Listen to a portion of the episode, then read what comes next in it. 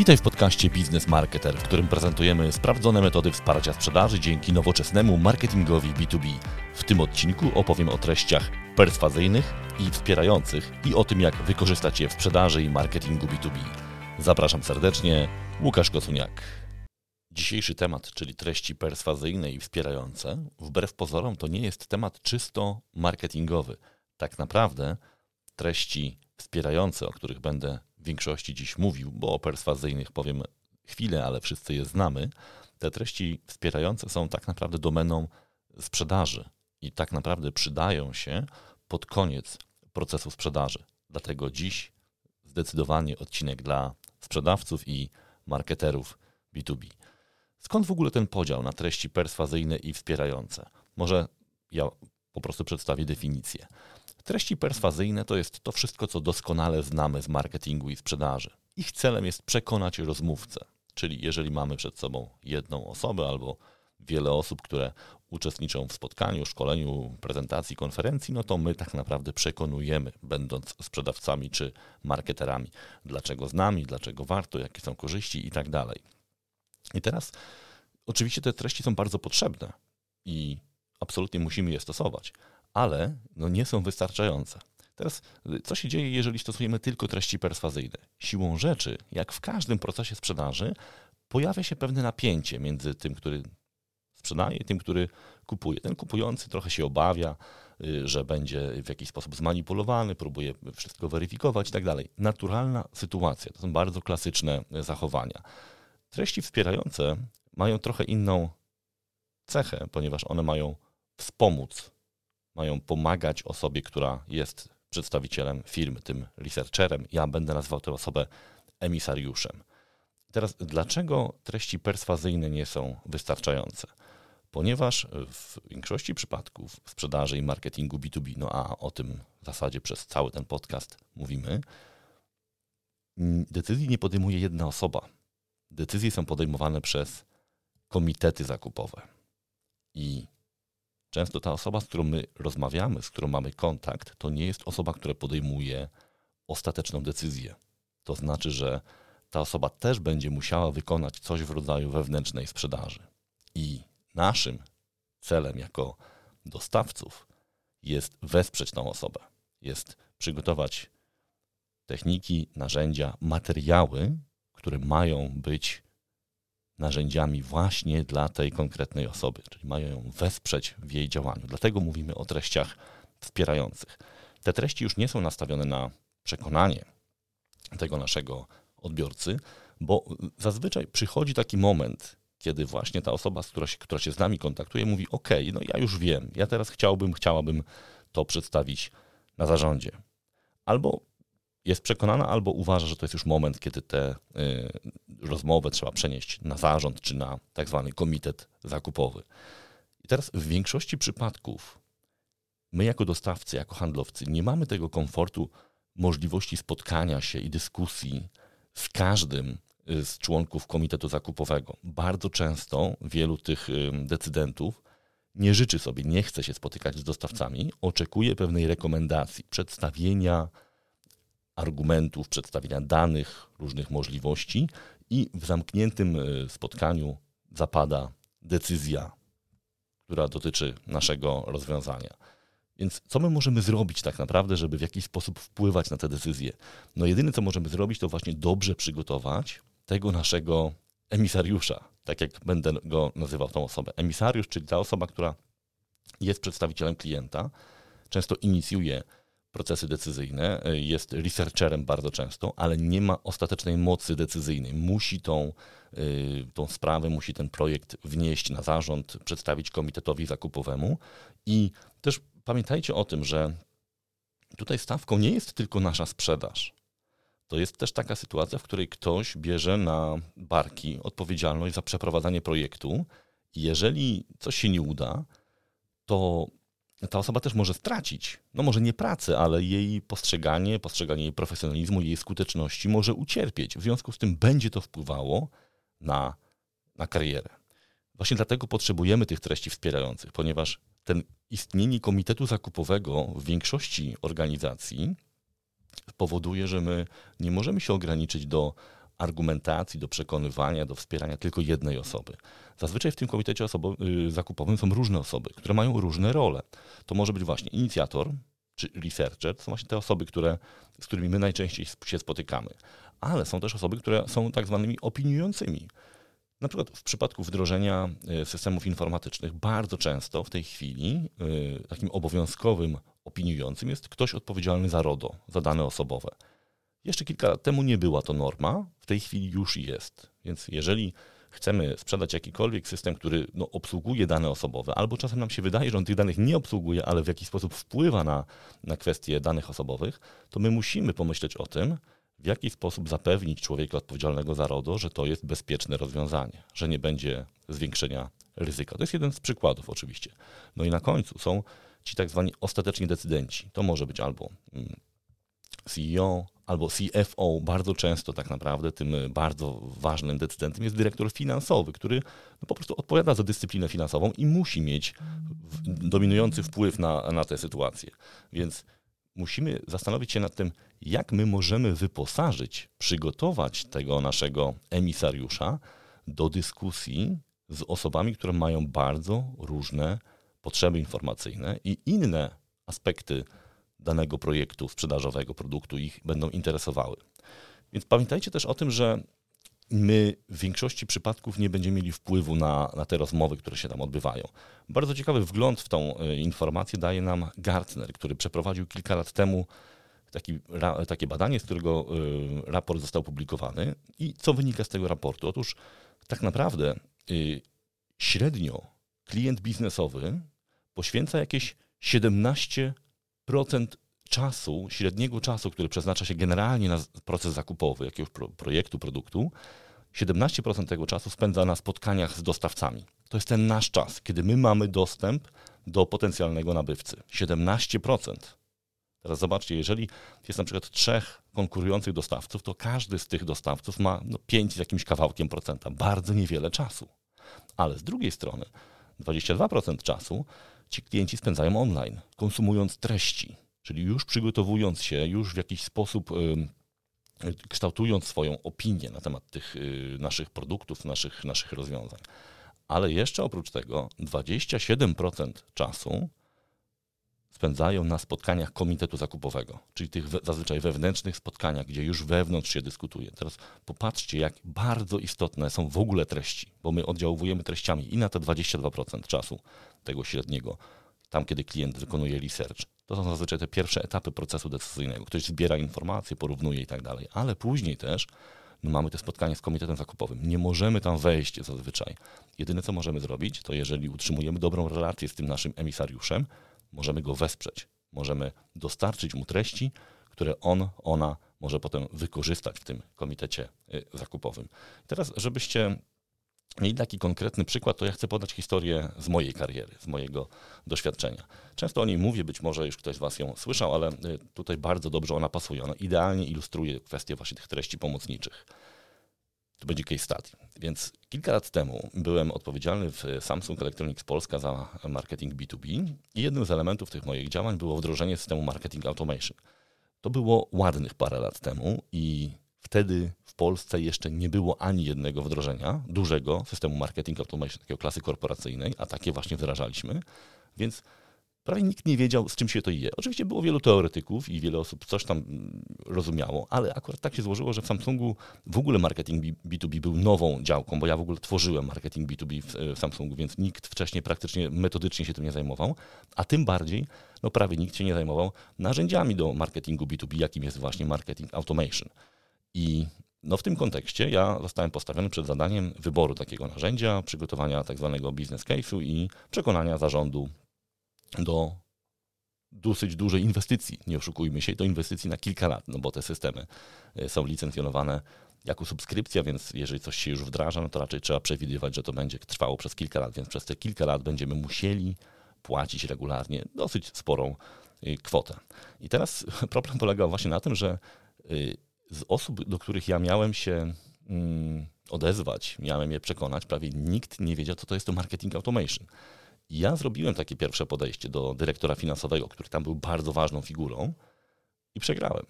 Dyrektor finansowy nie zrozumiał. w ogóle czego ja od niego chcę, dlaczego tak drogo i w ogóle co to za, za jakiś system, którego on w ogóle nie wie o co chodzi. Pomyślał, jeszcze dodatkowo nie znał mnie, ja byłem w Samsungu przez trzy miesiące chyba wtedy. No nie wyszło to dobrze, mówiąc krótko. I szczerze mówiąc, z perspektywy czasu ja się wcale nie dziwię, bo to, co ja zrobiłem, to był klasy, klasyczny błąd perspektywy. To znaczy, ja zacząłem mu tłumaczyć, co ja zyskam jako marketing, mając taki system marketing automation. Nie przygotowałem się z perspektywy właśnie dyrektora finansowego. To znaczy, nie wiedziałem, co on jako dyrektor finansowy może zauważyć jako wartość po wdrożeniu takiego systemu. Byłem w kropce, bo była tak zwana dogrywka, było spotkanie całego zarządu, musiałem się na to przygotować i na szczęście okazało się, że właśnie jeden z dostawców tych systemów miał taki szablon, myśmy to potem nazwali business case, czyli takiego mm, właśnie wytłumaczenia, uzasadnienia korzyści, sensu inwestowania w tego typu rozwiązanie z wskazaniem różnych argumentów. Oczywiście ja musiałem tam e, wstawić swoje dane, swoje koszty, swoje działania, bo przecież wiadomo, że w szablonie takich danych indywidualnych nie ma, ale była bardzo ciekawie zaprezentowana logika. I dodatkowo były tam też argumenty podzielone właśnie na persony, czyli właśnie na te role różnych osób. Nie było tam wszystkich person, które ja miałem w zarządzie, ale zdecydowana większość. I dzięki temu ja byłem w stanie rzeczywiście zacząć mówić językiem tych ludzi, czyli odnosić się do argumentów, które były dla nich istotne. I okazało się, że tą bitwę wygrałem, że właśnie ja jako ten emisariusz poszedłem na zarząd, przeżyłem, przeprowadziłem projekt. Y, projekt jest, był wdrożony, jest cały czas wykorzystywany ten system, mimo że już mnie tam nie ma, więc widać, że to się, to się udało. I to jest dokładnie właśnie w soczewce przykład takiej treści wspierającej. Ona nie była potrzebna mi, żeby mnie do czegoś przekonać. Ja już byłem przekonany moim zadaniem na tym etapie było przekonanie innych członków zarządu. I teraz, jeżeli jesteście dostawcami, jesteście handlowcami, marketerami, to pamiętajcie o tym, że w 90% przypadków tak właśnie będzie, że będziecie mieć do czynienia z osobami, które na początku trzeba przekonać, a później trzeba im pomóc przekonać inne osoby. Jeżeli będziemy przygotowani do tworzenia takich treści, będziemy mieli takie treści, to bardzo zwiększymy skuteczność sprzedaży i zmienimy też to postrzeganie relacji. No bo zobaczcie, jak zmienia się ta relacja, prawda? Tutaj już trochę wchodzimy w, w korzyści wynikające z tych treści pomocniczych. Nagle osoby, która przekonuje, ciśnie, namawia, stajemy się partnerem, pomagamy tej osobie, no bo również w interesie tej osoby, tego naszego emisariusza, tej osoby, która odpowiada za prezentację chociażby tego e, projektu, też jest to, żeby to się udało, żeby to wyszło dobrze, żeby to było profesjonalnie przygotowane, zaprezentowane, uargumentowane, wyliczone i tak dalej. Więc im lepiej my przygotujemy tę osobę, tym ona też osobiście zyska. Więc każdy trzeźwo myślący menedżer, osoba po stronie klienta, odbiorcy, będzie dążyć do tego, żeby takie materiały mieć, żeby takie materiały y, pozyskać.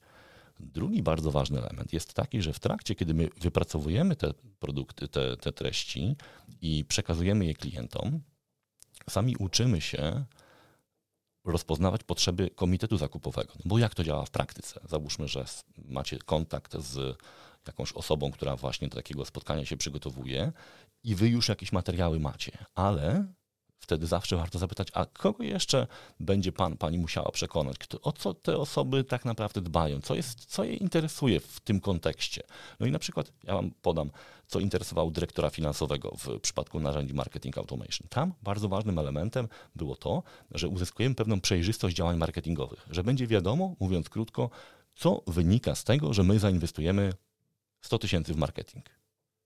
Dyrektor finansowy y, obserwując, widząc jaka jest logika e, tego narzędzia, on nie musiał wejść w szczegóły. On po prostu widział, że to narzędzie dostarczy mu pewnych bardzo cennych danych, które będą pochodziły z pierwszej ręki. To znaczy, ja, ja, jako marketer nawet nie będę mógł wpływać na te dane, bo on po prostu będzie miał dostęp do automatycznego raportu y, zwrotu z inwestycji w kampanię, czy, czy w ogóle efektywności kampanii. I to do niego przemówiło, że przewidywalność, że czytelność, że wydatkowanie marketingowe będzie bardziej przejrzyste. Wystarczyło. On jak to zobaczył, sprawdził tylko, czy na, na pewno to jest prawda, był przekonany. Podobnie było z człowiekiem, który wtedy odpowiadał za dane osobowe jeszcze wtedy nie było RODO, ale oczywiście dane osobowe były chronione w inny sposób.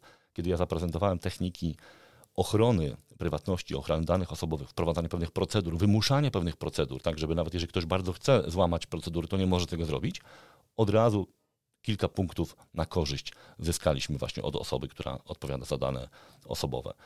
To jest właśnie to podejście mówienia językiem klienta, a jednocześnie, jeżeli ty jesteś dostawcą, to możesz dopytywać, możesz ustalać, co jeszcze, jakie jeszcze inne, jaka inna perspektywa jest istotna, i wtedy ciągle rozwijacie te treści wspierające, ciągle dokładacie kolejne argumenty, kolejne materiały, kolejne być może wyliczenia, właśnie po to, żeby no jeszcze lepiej na przyszłość ten komitet zakupowy zaspokoić informacyjnie.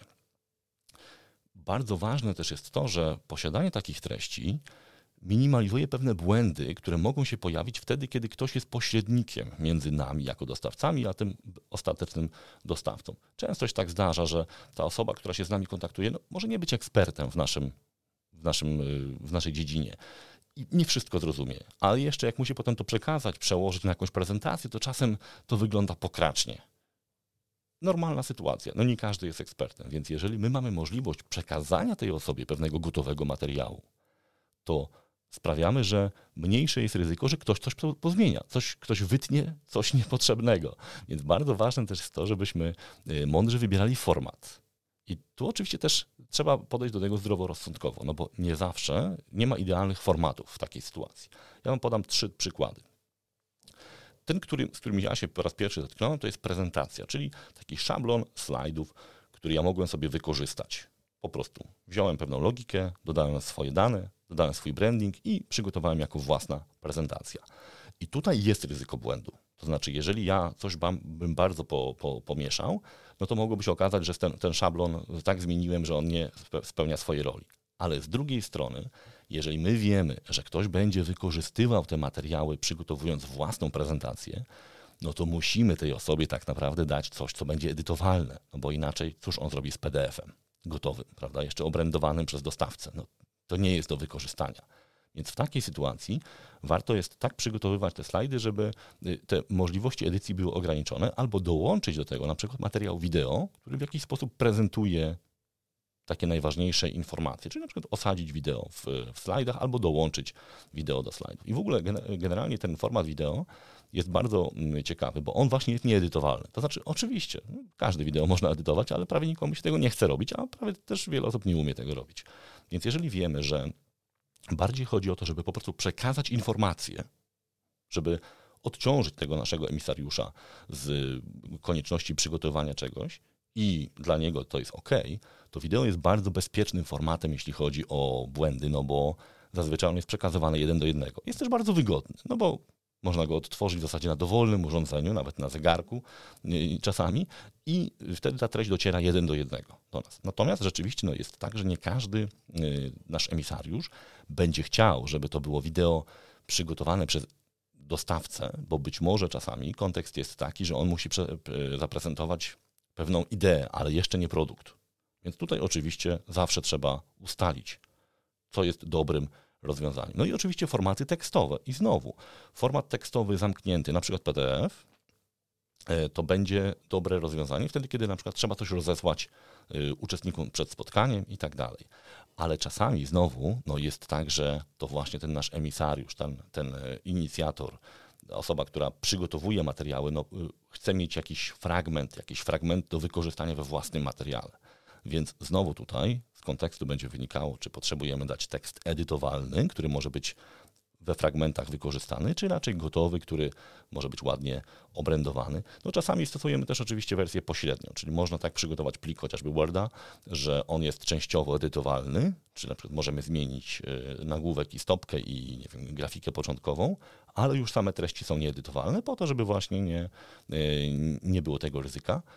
Tutaj dużo zależy od tego, jaki jest cel, na jakim etapie to będzie wykorzystane, jaka jest, jaki jest poziom kompetencji tego naszego partnera po stronie y, klienta. Natomiast warto rzeczywiście myśleć wieloformatowo. To znaczy, ja zazwyczaj przygotowuję te materiały w taki sposób, że mam je i w formacie otwartym, i zamkniętym. Jeżeli widzę, że wystarczy po prostu wysłać coś gotowego, po prostu wysyłam gotowy plik wideo czy, czy, czy, czy PDF-a. Jeżeli widzę, że jest, to będzie przygotowane w, na potrzeby prezentacji i tak dalej, to mam też szablon, który przygotowuję, który przesyłam tej osobie i może go sobie wykorzystać w zasadzie w dowolny sposób. Oczywiście tutaj, jak każdy dobry handlowiec, trzeba pewnych rzeczy pilnować, czyli no warto po prostu potem zapytać, jak poszło spotkanie i dopytać, czy wszystko było jasne.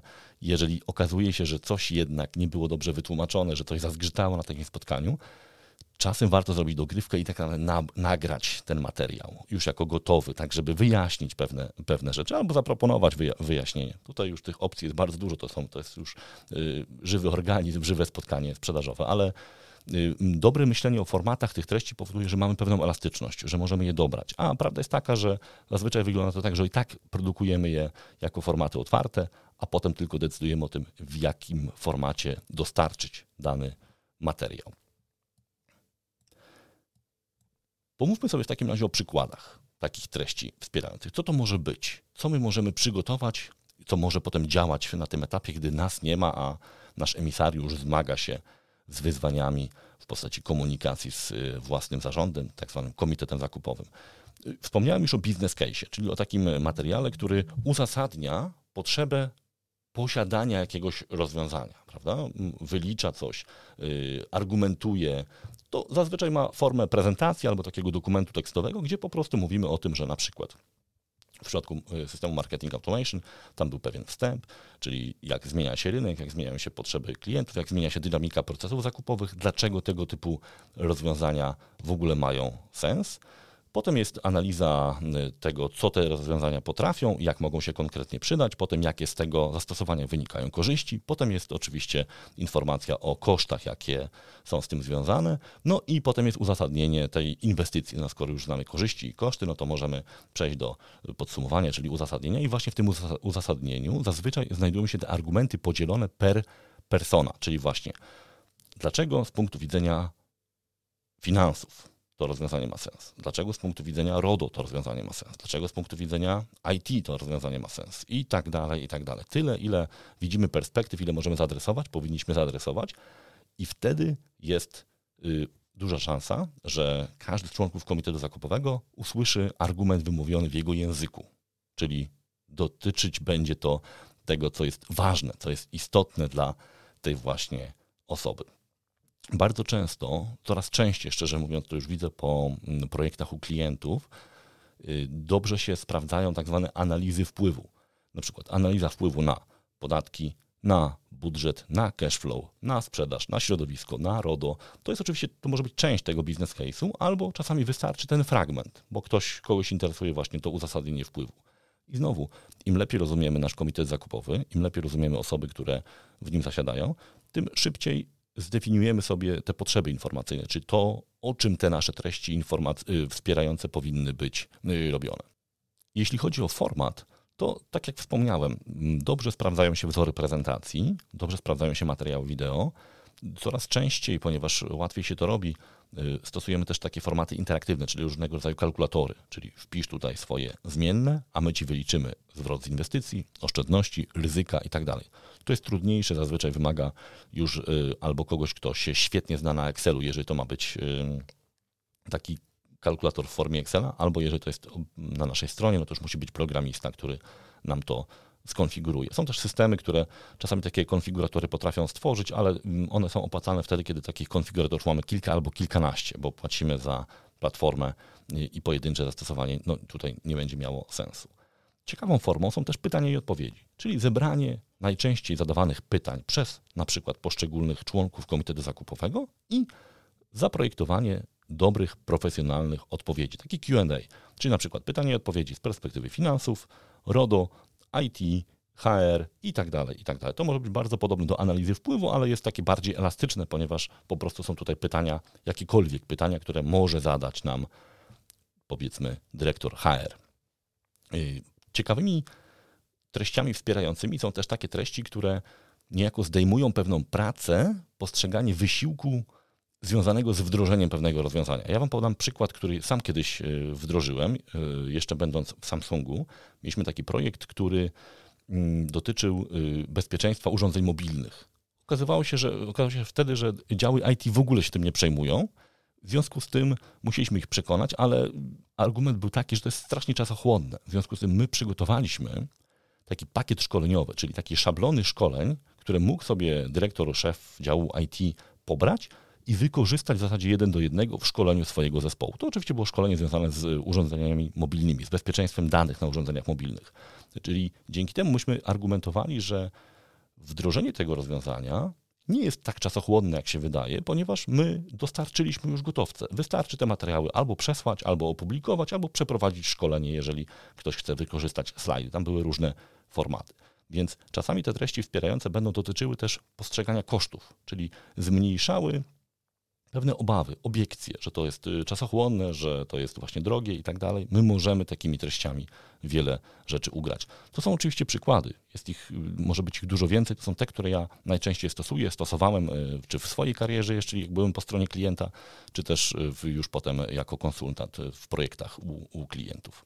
Zresztą powiem Wam szczerze, że to jest jedna z tych rzeczy, którą coraz częściej wdrażamy w strategii treści u klientów, bo orientujemy się, że same te treści wspierające, ta góra, te treści perswazyjne, przepraszam, ta góra lejka, ona nie jest wystarczająca, żeby dowieść sprzedaż. To też niedawno właśnie Gartner ym, to opublikował w swoim badaniu, gdzie wyraźnie pokazuje, że sam content marketing nie jest wystarczający, żeby zamknąć sprzedaż. W B2B oczywiście. Czyli my powinniśmy też inwestować w, we wsparcie naszych sprzedawców, a jednym z form jednym z form takiego wsparcia i są właśnie treści y, wspierające, bo to jest narzędzie, którym posługuje się handlowiec już na tych dalszych etapach procesu decyzyjnego, co bardzo podnosi jego efektywność. No to na koniec powiedzmy sobie, jak tworzyć takie treści, od czego w ogóle zacząć. Tutaj bardzo istotnym elementem jest analiza komitetu zakupowego. Co to znaczy? Ja zachęcam klientów, żeby zawsze po każdym zakończeniu procesu sprzedaży, niezależnie udanym czy nieudanym, wypełnić sobie szybką taką metryczkę, czyli rozpisać, z kim ja jako handlowiec, czy my jako w ogóle zespół, który był zaangażowany w to, spotykaliśmy się w tej firmie. Jakie role pełniły te osoby? I jakie była ich rola w procesie decyzyjnym? I jakie oni nam pytania zadawali, co ich interesowało, jaka była ich perspektywa, za co nie odpowiadają. I wtedy po iluś przebiegach, iluś takich procesach, my wiemy, że na przykład w segmencie małych i średnich firm zazwyczaj mamy 3-4 osoby w komitecie zakupowym i tam jest szef albo właściciel firmy, dyrektor IT, szef sprzedaży i ktoś tam jeszcze. I wiemy dokładnie, czego te osoby oczekują. W związku z tym możemy bardzo precyzyjnie podejść do projektowania takich treści. Bardzo szybko budujemy sobie pakiet takich treści właśnie wspierających. Zresztą nie tylko wspierających, bo z tej wiedzy możemy też wyprowadzić pomysły na treści perswazyjne. Akurat dziś zajmujemy się wspierającymi. Więc pierwszy element to jest analiza komitetu zakupowego. Kto to jest, za co odpowiada, co ich interesuje, jakie są ich potrzeby informacyjne. To już jest dla nas wskazówka. Jeżeli powtarzamy to regularnie, po iluś cyklach mamy dokładnie taki wzorzec, jak powinny być tworzone nasze treści, żeby było jak największe prawdopodobieństwo, że dotrzemy do właściwych decydentów i przekonamy ich, nawet jeżeli nie będziemy mogli ich bezpośrednio przekonywać, tylko właśnie tymi treściami. Drugi element, bardzo ważny, to są rozmowy z tymi naszymi emisariuszami. Ja już wspomniałem o tym, że w momencie, kiedy my już przechodzimy na ten etap przygotowania tego emisariusza do rozmowy z handlowcami, z zarządem, z komitetem zakupowym, powinniśmy wypytać o to, co jeszcze możemy przygotować. Nie zawsze oczywiście uda nam się przygotować, jeżeli to będzie jakaś skomplikowana analiza, ale być może w przyszłości ta wiedza nam się przyda do kolejnych y, projektów. Czyli jeżeli już mamy coś, Zazwyczaj ta rozmowa jest bardzo prosta. Y, po prostu pytamy, kogo jeszcze trzeba będzie przekonać, kto jeszcze jest y, osobą, która będzie decydowała o tym. I jeżeli ta relacja jest dobra, jeżeli widzimy, że jest właśnie ten, to porozumienie i nasz emisariusz też widzi, że ma wsparcie po naszej stronie, on się podzieli tą informacją, zazwyczaj.